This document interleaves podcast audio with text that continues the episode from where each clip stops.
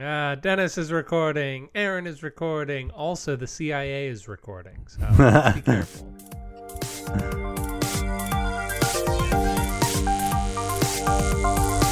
Well, I'm not a crook.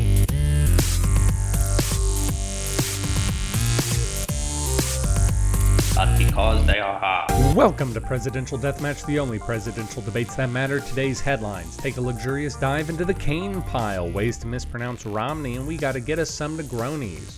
Who would organize the best kick ass party, Daniel Webster or Al Gore? We find out all that and more on today's Presidential Deathmatch.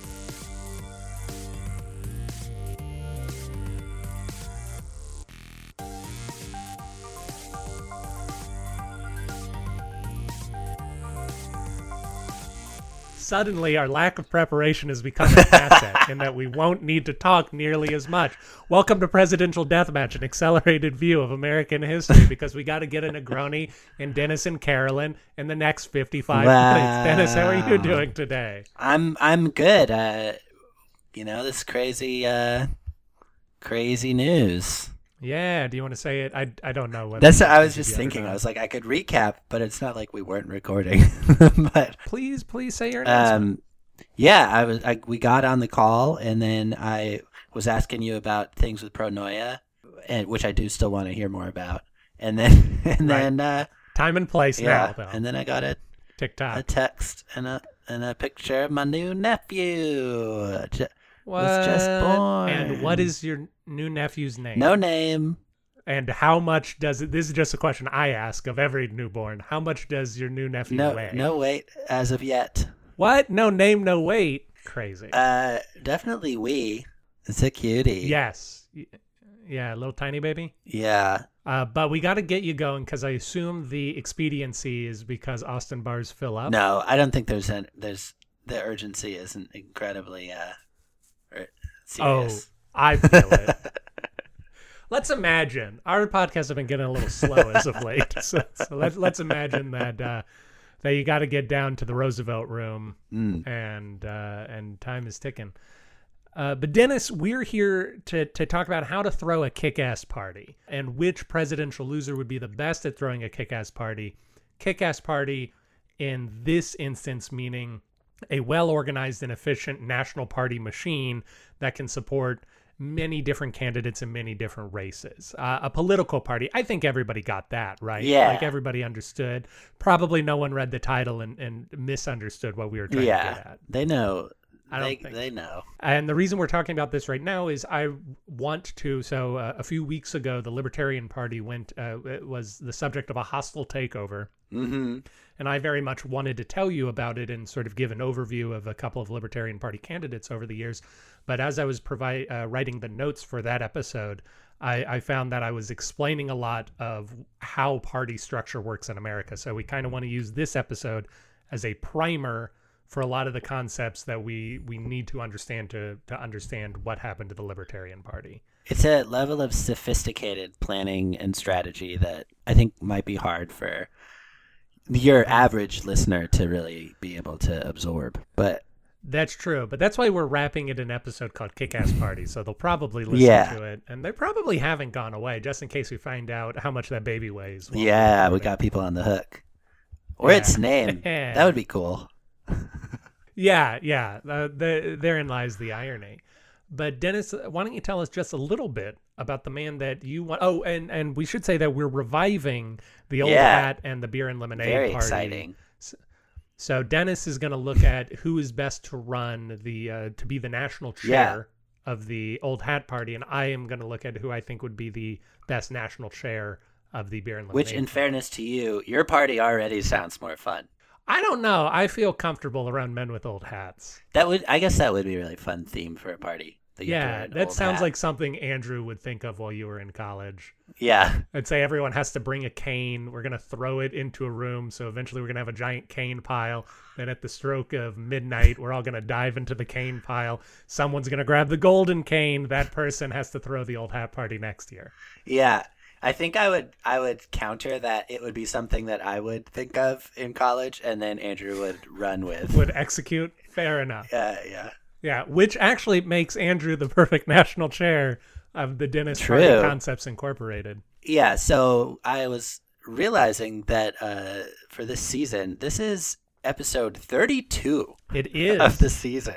we are deep into We're it. deep into it. So, of course, we're really scraping the bottom of the barrel on candidates at this point. Mhm, Most of the spreadsheet is like checked off. I know we've uh like we're we're gonna have to resort to to like the John McCain's soon. These Yeah. people nobody's ever heard of. Such as my candidate this week, Al Gore. Al Gore, never heard of him. Um, how crazy would that be if the baby ended up being named Al Gore? Yeah, that would be that would be crazy in a very strange way. It's gonna be on my mind. uh, Finch. I'm gonna I'm gonna place my crazy bet on Finch, buddy. Is gonna be the name of this Finch. child. Yeah, I like it. yeah. Um, well, they do go, you know, musical names. Rydell, like Rydell High in Grease. hmm So Kind of uh, cut. my second one, quarter note, buddy, uh, is Yeah. gonna be my second bet. For Quarter note. Yeah, Quarter note. That's quarter kind of a cool name. Allegro, buddy. so I'm going with Al Gore. Uh, he was born in 1948. The, the man is 74 years old. Crazy. Um, He's almost as old as the current president of the United States. yeah. Not too late for you, Al. wow, that's crazy. Yeah. Um, and he's uh, 12 years single. Oh, really? Yeah, he. Widow? Uh, no, they just, What? him and his wife separated Him and Tipper? in 2010 after 45 years. it's insane. Oh no. Uh, you see, yeah, it's, it's wild. Nothing's safe. Yeah, and he ran against Bush in 2000, Mhm. um, which like I have the vaguest memories of the Florida recount, yeah. um, and it's Yeah. just crazy to me that I can remember something from 22 years ago. I know. Life sucks. yeah, and and he ran really. Uh, the reason I chose him, the Old Hat Party, if our listeners will remember, was called that because it was the party of people who really like were government folks, uh, who probably were in the House or the Senate for a bunch of years, hmm probably fought in some war, you know, probably had a statue, all that kind of stuff. Right. And The uh, technocrats was was a word that we arrived at. yeah, and oh man, he fits the bill perfectly. He really does. he uh, his dad was in the house and the senate possibly his dad Mhm. whose name was al gore Right. and yeah and the and then he was um so he grew up in dc because of that but like then was a representative in tennessee because that's like really where they lived yeah it's just like and then he just he went to like a really good private school in dc and then went to harvard and like on his second day at harvard was running for class president and stuff and like so he he ran for president because that's the only thing That's what he does. does yeah Yeah. uh, and he went to vietnam To tour it? he he went uh, to Nam during the war. He was one of. Tw- oh, I could get more into it later. But, okay. Uh, yeah. Probably best to keep this a little bit brief. But, but yeah, he checked all the boxes. he does very much sound like an old hat kind of guy. yes. But I looked at one other guy briefly hmm before checking the workflowy, and it was uh, one Daniel Webster. So you checked out a guy named Daniel Webster. What made you not go with Daniel Webster?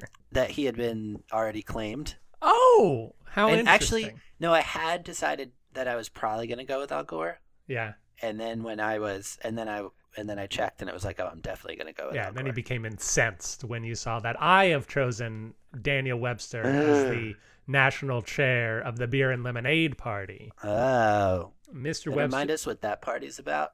Uh, the beer and lemonade party is uh, a little sour and a little bitter, but you know that that you like us. Basically, it's the idea of the sort of rational pragmatists who get stuff done, aren't afraid of compromise in order to get things going. They um, and they they put a high premium on personal integrity. That was that was how I looked at my team, which featured such moral stalwarts as Donald Trump but Daniel uh, Daniel D.D. Webster, to his friends, was born in 1782. He was one of the foremost senators of of his age. He was named as one of the in 1959. He was named as one of the top five senators in American history, along with his close contemporary Henry Clay, who has also been featured on this program. Daniel Webster and Henry Clay are particularly known for delaying the Civil War or as they were known in their lifetimes as preventing the Civil War. They said these Yeah, men are so great because they have prevented war between North and the South. Then they died, and war almost immediately broke out between the North and the South, which Mm. gives some credence to to the ideas that were bandied about. So Daniel Webster tried to run for president a number of times, but he only made it to the big show once. That was in 1836 as part of one of the most ridiculous presidential election strategies I've ever heard of, which is that despite having 8 years of Andrew Jackson, the Whig party still was not ready to run a president. And so instead of having one candidate that they all could get behind, they ran four different candidates across the nation and were hoping to prevent Martin Van Buren from securing a, a majority in the Electoral College.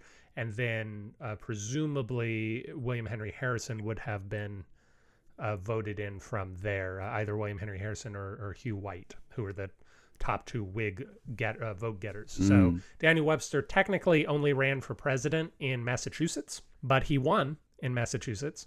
So that's good for him. Mm. And he got their 14 electoral votes. He was a longtime senator from that state. He was also a House of Representatives guy. We'll get into all of those things. He was twice the Secretary of State for the United States under two different Whig presidents. Uh, I, I chose him mostly because of the uh, number one, he's good at oration. communication is a big part of this job. He is decent at strategy. He knows how to look at things and how to respond to them. But more than that, he kind of sucks at getting a better job.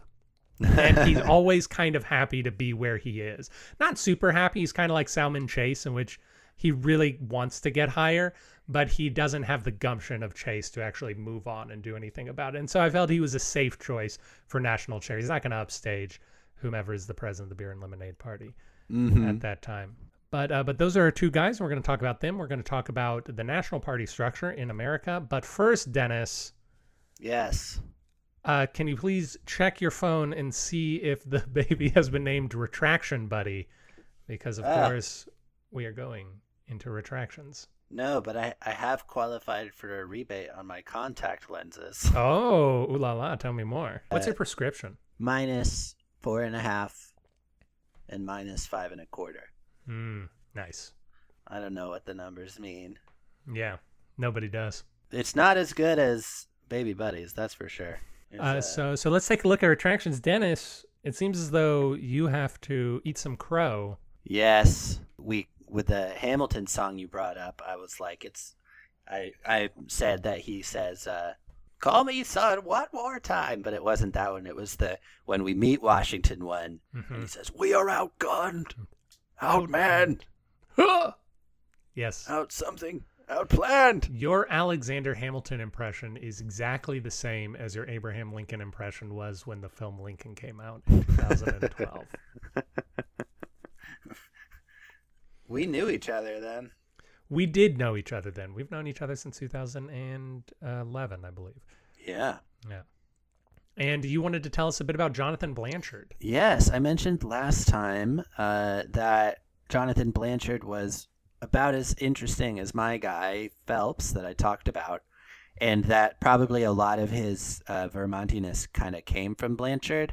So Blanchard was like a, a really big abolitionist and was very involved in the National Christian Association, which was like, which Phelps was a part of, Mhm. and and he was a big speaker kind of guy, Blanchard, and like uh, he was a journalist, and he was very much one of those guys that have come up a lot in history that are, uh, you know, getting everyone fired up and saying the inflammatory things and being like, we got to end this, um, and so probably had like a pretty solid following through that National Christian Association that Phelps was a part of.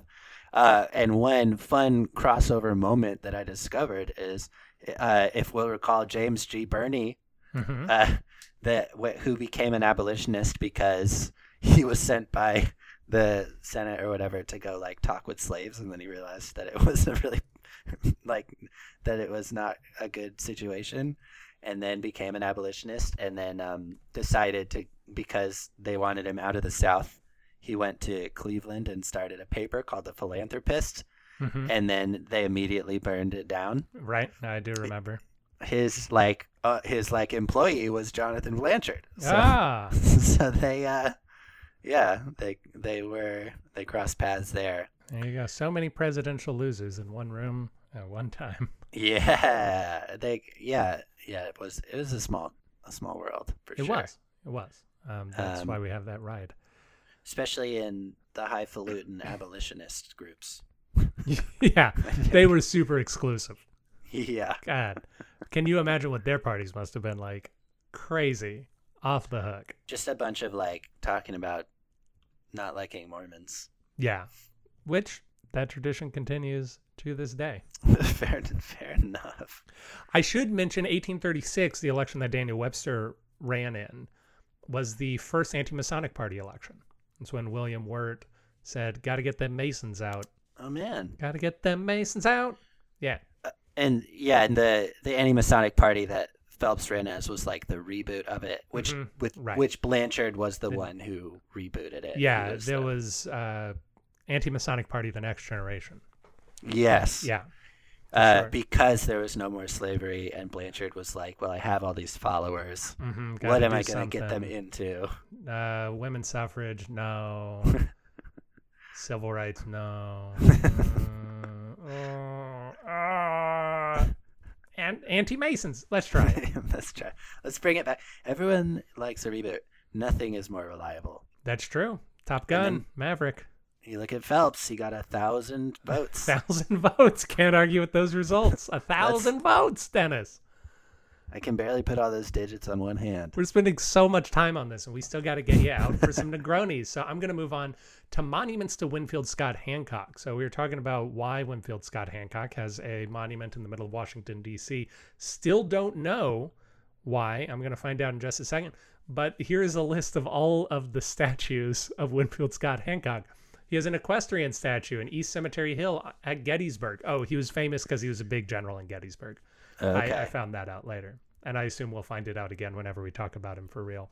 He has uh, just a regular statue in uh, Pennsylvania Memorial at Gettysburg. So he's got two statues at Gettysburg.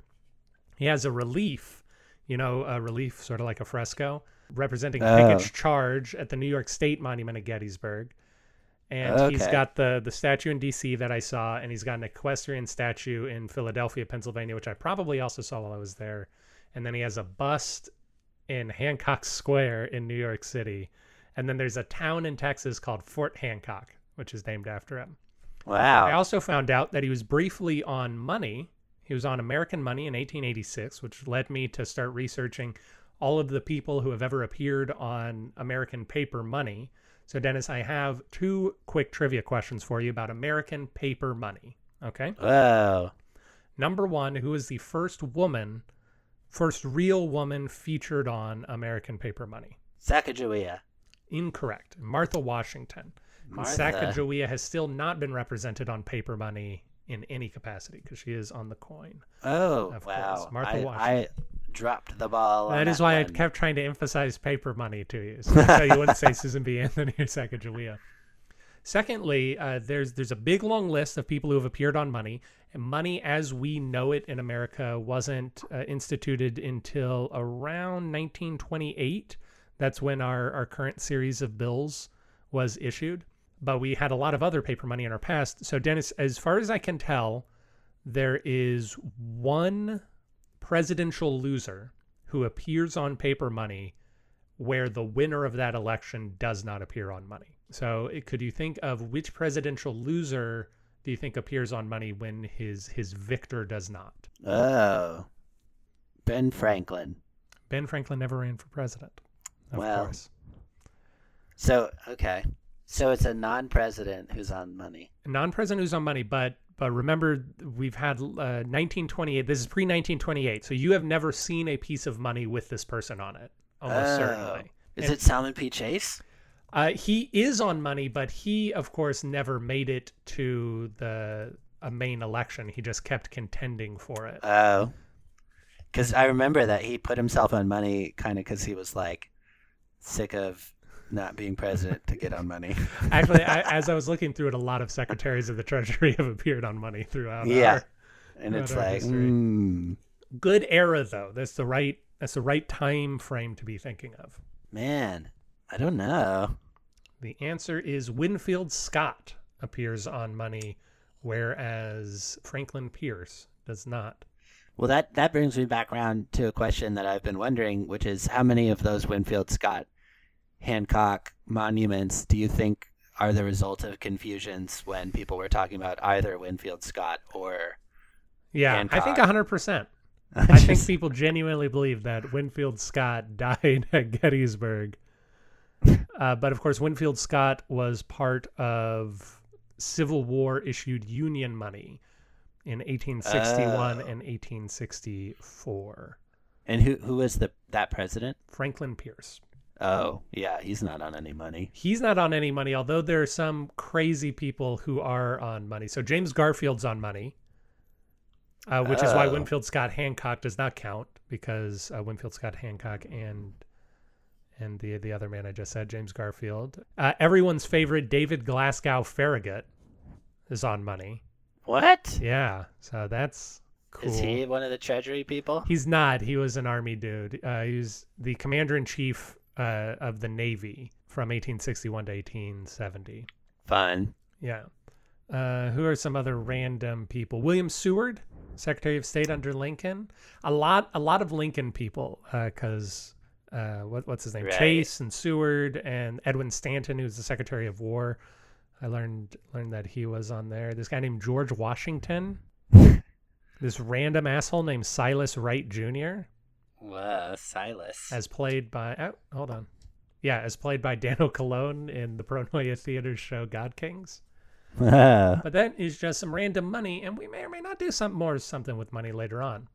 Whoa, dennis fun. i also looked up temperance versus prohibition and the answer is there's basically no difference. Temperance means that you are just a drinker in moderation and prohibition means you don't drink at all so they were calling for hey let's slow down your drinking and then let's cut it off It was like point two was like prohibition, and then point five was like earlier we said about prohibition. If you're upset about that, just think temperance. yeah just just roll it back guys roll it back That's awesome.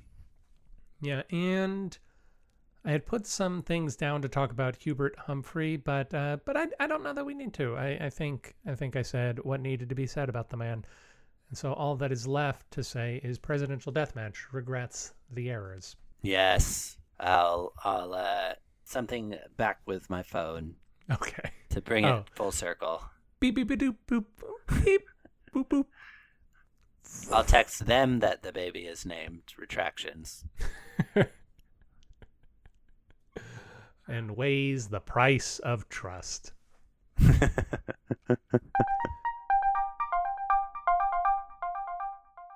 softly. Dennis, we're thinking about party apparatus here. And so before we do it, now I've written some very lovely language that uh, an opening statement that I'm going to read in a little bit. Before I do that, I want to ask you have you ever thought about any political party in America as a political party, by which I mean as like a private club that people hang out in to do government stuff as opposed to a piece of government itself? Because, of course, there's nothing special about the Democrat Party or the Republican Party. There's nothing in our Constitution that says here are two parties. These are just the the two people who have survived up until this point, as well as the Libertarians and the Greens and the Prohibition Party, which is still a thing, etc. So then, so the question is, say it again. Sorry. Um, have you in your life ever thought about political parties as organizations? Oh, as opposed to just like, kind of like identities. Exactly. I a little bit. I think when I guess not really, but you brought up Van Buren earlier and that whole battle and everything, and I think some of the stuff that I've learned on this podcast about like the political machines and stuff kind of gets you into Mhm. that True. mindset a little bit. And then when you yeah, when you read about primaries and and someone getting nominated and all of the like work that's going into that, it feels a little bit more like a machine but thinking about someone being the uh, the chair or whatever behind the scenes is definitely always interesting and and less common to think about for me. Yeah. So, in basic, the way American political parties work is as follows there is a nonprofit organization called the Republican Party or the Democratic Party or the Green Party, etc. They are filed with the U.S. government under a particular type of code that authorizes them for political contributions and political speech. And there's some limits around what they can do uh, with money, when they can solicit money, et cetera. But they're non technically a nonprofit organization. There is a national party. And then in addition to the national parties, there are subsidiaries, which are the state parties. So there's a Republican Party of Texas and a Democratic Party of Texas, and there's a Republican Party of Oklahoma and a Democratic Party of Oklahoma. And each of these state organizations also has subsidiaries at the county level. So there's the Harris County, the Republican Harris County Party, for instance, that that keeps track of uh, Republican needs. Uh, George H.W. Bush famously was the chair of the Harris County Republican Party before he became a congressman. Mm. I think it was before, but but he was the chair of the Harris County Republican Party. And each of these organizations, uh, from the national party to the state party to the the county level, they solicit donations they try to find candidates they try to um, like i get a mailer every single election from the harris county republican party saying here are the values of the republican party and then i look at them and say yes i don't don't need to vote for you because those are your values and they are not mine yeah uh, very helpful harris county republican party thank you so much uh, this is put into stark contrast, I think, to the way that we usually think about how things are arranged. Because uh, so so we I, I don't want to get too ahead of next week's episode, but Justin Amash, he's a former congressman. He's now a libertarian, and he was talking about in an interview that he was doing about the recent takeover. He says, you know, I think that these people are very concerned with activism, and activism is important. Activism is the the process of bringing our issues and bringing attention to the party or bringing uh, attention to the ideology of the party. But what a national party needs to do is work on getting people elected. So it needs to be people who are good with money, good with strategy, uh, good with uh, paperwork and bureaucracy. And so the national party is the party that occasionally will put give money to candidates so that the candidates have a little bit more money than they can raise on their own. They are the the people who run the primaries for their respective parties to mm -hmm. a mm-hmm. certain extent. Uh, the U.S. government has taken over a little bit of that, so it's a little more streamlined. But they are basically the the admin suite of the party, mm -hmm. and they they separate the the whiny mob on Twitter from the adults who are working to get things done. They separate as because they're like yeah, because of their funds and their and the work that they do for the act the people that that they or yeah, what do you mean? Um, so so what I mean is that when people think about like you said, Democrat or Republican, you said party, um, political party as identity. Yeah, that means espousing the beliefs of that party, whatever those may be. That's activism. That's trying to get your beliefs in front of people.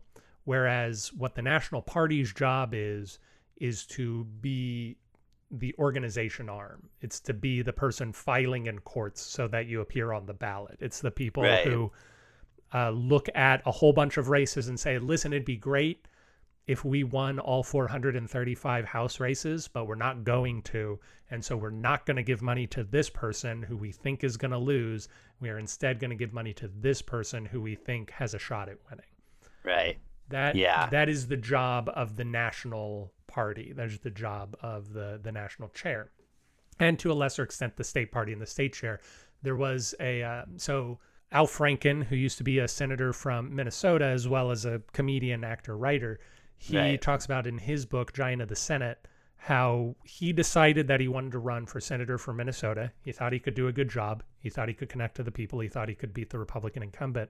But the Democratic Party didn't want him running because they felt that uh, he ba basically they're like a comedian running? That's ridiculous. Yeah. And so they they worked to support in the primaries his opponent. They asked him hey can you step back? And he said no this this guy i don't like this guy that you're choosing to support. I think i can win. I want to win. And so that is an ins, uh, ins um, that is a moment when the the as a democrat he had to go against the national party because he the national party wanted something different they wanted something a little easier uh, and that's the sort of the the sort of ideas that that a national chair has to cover so so dennis what sort of strategy, what tough decisions, what organizational acumen does Mr. Gore have? Yeah, I mean, I think I think that's sort of like because of his background in just sort of being so focused around the actual election stuff. I feel like that's probably one of his big strengths. Getting is getting really involved with that organization. hmm Yeah, I mean, do yeah, doing it like I was saying earlier, like he was running for stuff as early as he could in college and everything else, and I think probably staying really familiar with the the all the different things that were required, and then of course his dad was always running for stuff, and he was pretty involved in that stuff. He helped write a speech uh, when he was in college that his dad read at the Democratic National Convention, I believe. So he's always very involved with with the the party, like pretty in a pretty straightforward manner. hmm He was in the House when he was um, 28. Yeah. I yeah, I I feel like the best thing for as far as skills in in all working with these organizations is having already done it, Yeah. and and he was sort of born into that. So, uh, yeah. Daniel Webster was not quite as quick, but he also lasted a lot longer than Al Gore did. He was known to be a great lawyer. Specifically, his oration skills were excellent, which makes m- me think he'd be a good face for the party. And he was, unlike a lot of Congress people today, he and Henry Clay wrote a lot of very heavily law focused bills, like technical writing specificity for for this needs to get done and this needs to get done. He was part of the ground floor of two or three parties during his lifetime: the National Republican Party, and then the um, the Whig Party, and then there was a, a weird thing in between where they were just kind of the opposition party. And so he's seen parties from their their birth, much like a baby buddy, uh, to to their middle, much like a dentist buddy. Uh, and he's been involved with them at every level of organization. Uh, Yeah. he's also a strict negotiator. So he was Secretary of State twice, both under William Henry, well, under William Henry Harrison slash John Tyler. That was his first term, and then Millard Fillmore brought him on when when Fillmore took the throne. Uh, he he negotiated some some harsh treaties. The Webster Asher Treaty, Webster Asher is that uh, Ashburton? The Webster Ashburton Treaty helped settle the Canadian border, which I guess we had just never gotten around to until the 1850s. Uh, but he said like, oh, this is where Maine stops, and I guess we Uh-huh. can both use Lake Superior. Was was sort of what he he did there. something that Al Gore, it seems like, did well is try to make sure he was maintaining a pulse on the on the ground of what people felt and were up to. That seems like a really good quality for making sure that the party as a whole is staying on that pulse too. Which I don't know how much he did that, but he did. He he. The famous thing about him inventing the internet is really comes from him being pretty involved on the all the Congress side of the internet. And I he was pretty young, so there's that. But also, he was, I think, doing the work to make sure that he was aware, like aware of it and pushing on it. So kind of, it seems like progressive, even though, but in ways that weren't necessarily like he's not like the most socially progressive, you know, li- like um, Right. Democrat. He's he's more yeah, moderate. he's, he's but- from Tennessee. yeah, but he was good at being. I think he he's had a, a pretty good track record a couple of times in being aware of how to be progressive as far as like the the world and the economy and and those kind of things. Yeah, Webster was similar in the sense that he he had one thing that he really strongly believed in, which was keep the union together, Uh huh. and he was basically willing to compromise on anything else. He Yeah. said, as long as we can prevent war, as long as we can keep the union together, that is the important thing. That is what I need to do, and I can convince enough people of enough compromise, which is ultimately what hurt him when he tried to become president himself. Is that he was not nearly uh, he was not nearly uh, amenable enough to slavery for the South, nor was he abolitionist enough for the North. Uh huh. uh, right. Which, in general, makes him fit right at home in the beer and lemonade party. uh, that's like climate change for Gore. I feel like Mhm. Yeah, his his hill to die on. and still, Yeah. Still, still fighting that fight, Mister Gore. it's a good one. It's a good- it's another one where he was uh you know picking picking the right battles. Yeah. All right. So, Dennis, I'm going to read you a list of uh, good good chairperson qualities. And Okay. we're going to talk about in what ways do our candidates uh, fulfill that. So, a good chairperson will speak clearly and succinctly. How does Al Gore elevate that? Yeah. Inconvenient truth, famously well received. hmm Super succinct. Super succinct. It's a little long. Very clean. Uh, two hour something. hmm hmm Academy Award, and then of course, not to be outdone, is uh, Inconvenient Truth, an inconvenient sequel truth to Power. Yeah, yeah. Uh, that uh, won a Tony, if I'm not mistaken, and a Grammy Yeah. for Best Spoken Word Album. Yeah, Daniel Webster, of course, is named. Uh, he is called perhaps the best orator in American history. Uh, he has a number of speeches, which people have said are the best speeches anyone has ever given in Congress. Uh, and he is famous for the story "The Devil and Daniel Webster," wherein he successfully convinces Satan not to take someone's soul because he's that good at talking. Wow, So, awesome. so Daniel Webster, if if he can do nothing else, the man can talk. uh, I want to read this, which I believe was like they say was extemporaneous. That that this was not something he wrote down. This was just something he yelled at on the floor of the Senate. If we work upon marble, it will perish. If we work upon brass, time will efface it. If we rear temples, they will crumble to dust. But if we work on men's immortal minds, if we impress on them with high principles, the just fear of God and love for the fellow men, we engrave on those tablets something which no time can efface and which will brighten and brighten to all eternity. No us or ums anywhere in there. Pretty yeah, impressive. that is pretty great. And and he definitely didn't have like the fancy apps that we have now that can go back and Yeah, he didn't have pick out all the Grammarly. Yeah, Dennis, a good chairperson will be sensitive to the feelings of members, whose members? the members of one's committee. Just kidding. I see. Yeah, I guess I was kind of getting at that earlier, although I was talking about people more, but do get a sense that he he's kept up. He's changed his outlook on things. Like when he was younger, he wasn't pro gay marriage and stuff. Also very recent. Not a lot of people liked it up until they did.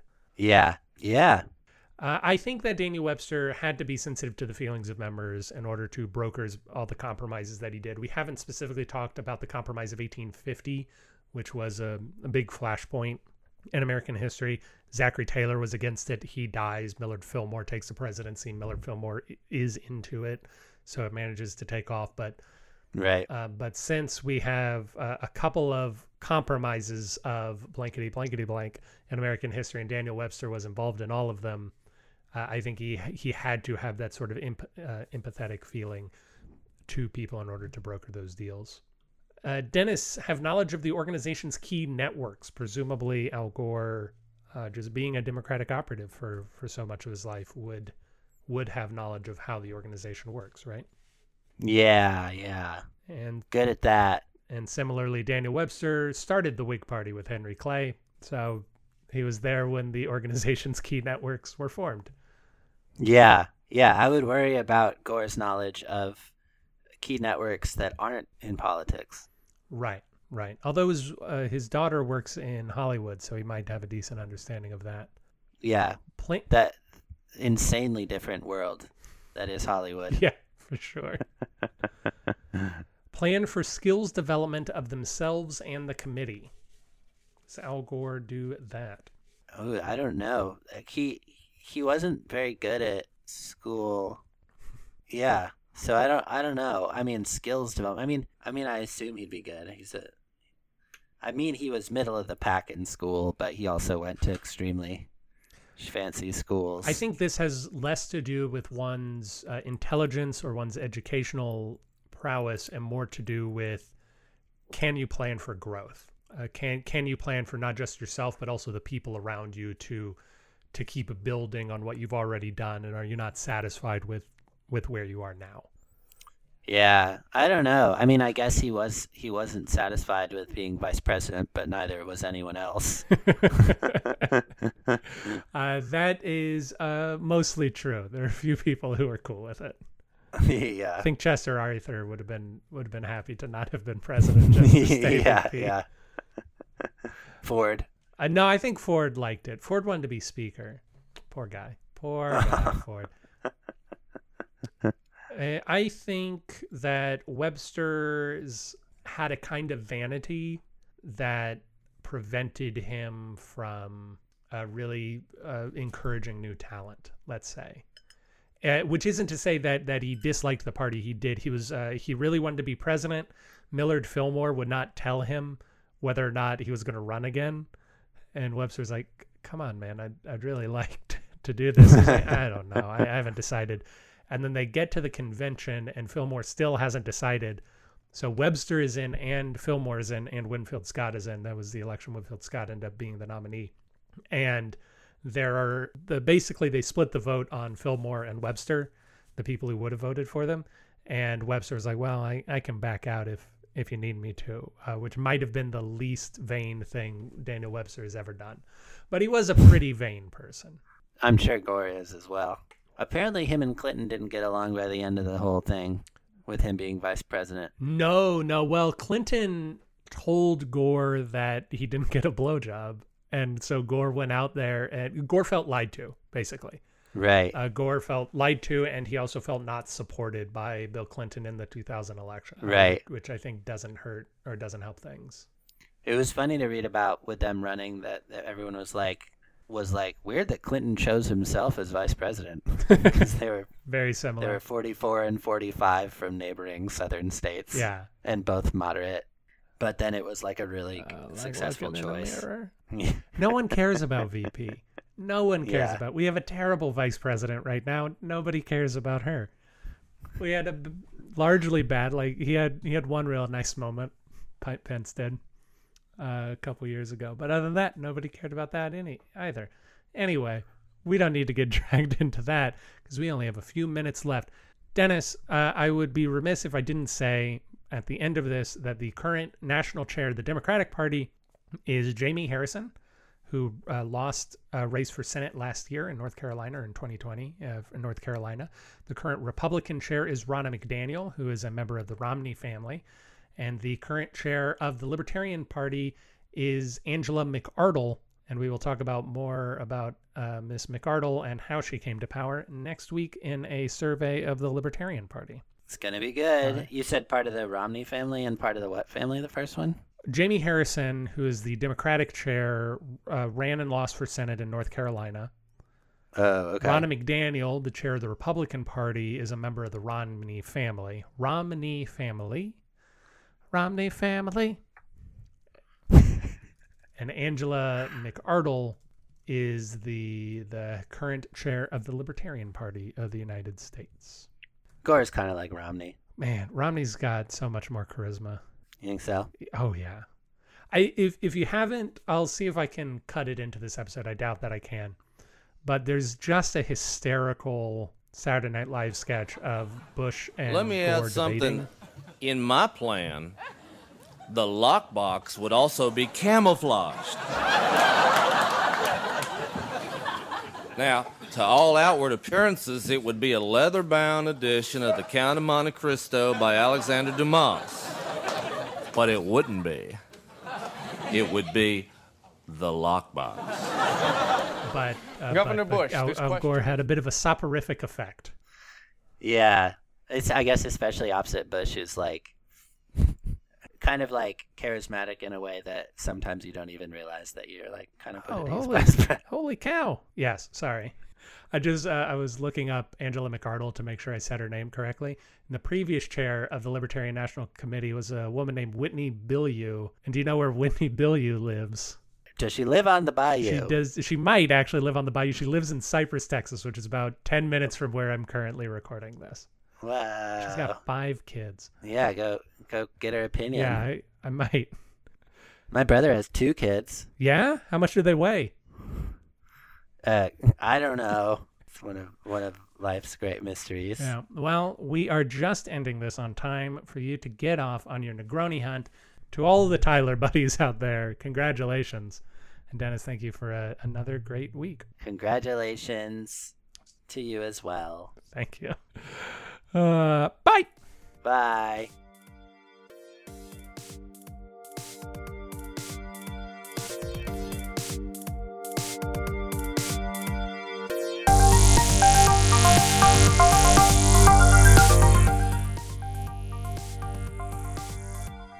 Thank you for listening to Presidential Deathmatch. Presidential Deathmatch is hosted by Aaron Garrett and Dennis Buddy and edited by Aaron Garrett. If you like the show, please consider giving us a review wherever it is. You can do that, we'd really appreciate it. If you didn't like listening to the show, well, why don't you come on back and give us another try? We really grow on you. If you want to reach out to us, you can do that at contact at pronoiatheater.com. You can also support the show in a variety of ways, including at pronoiatheater.com slash store. We hope you enjoyed it, and we hope to hear from you soon.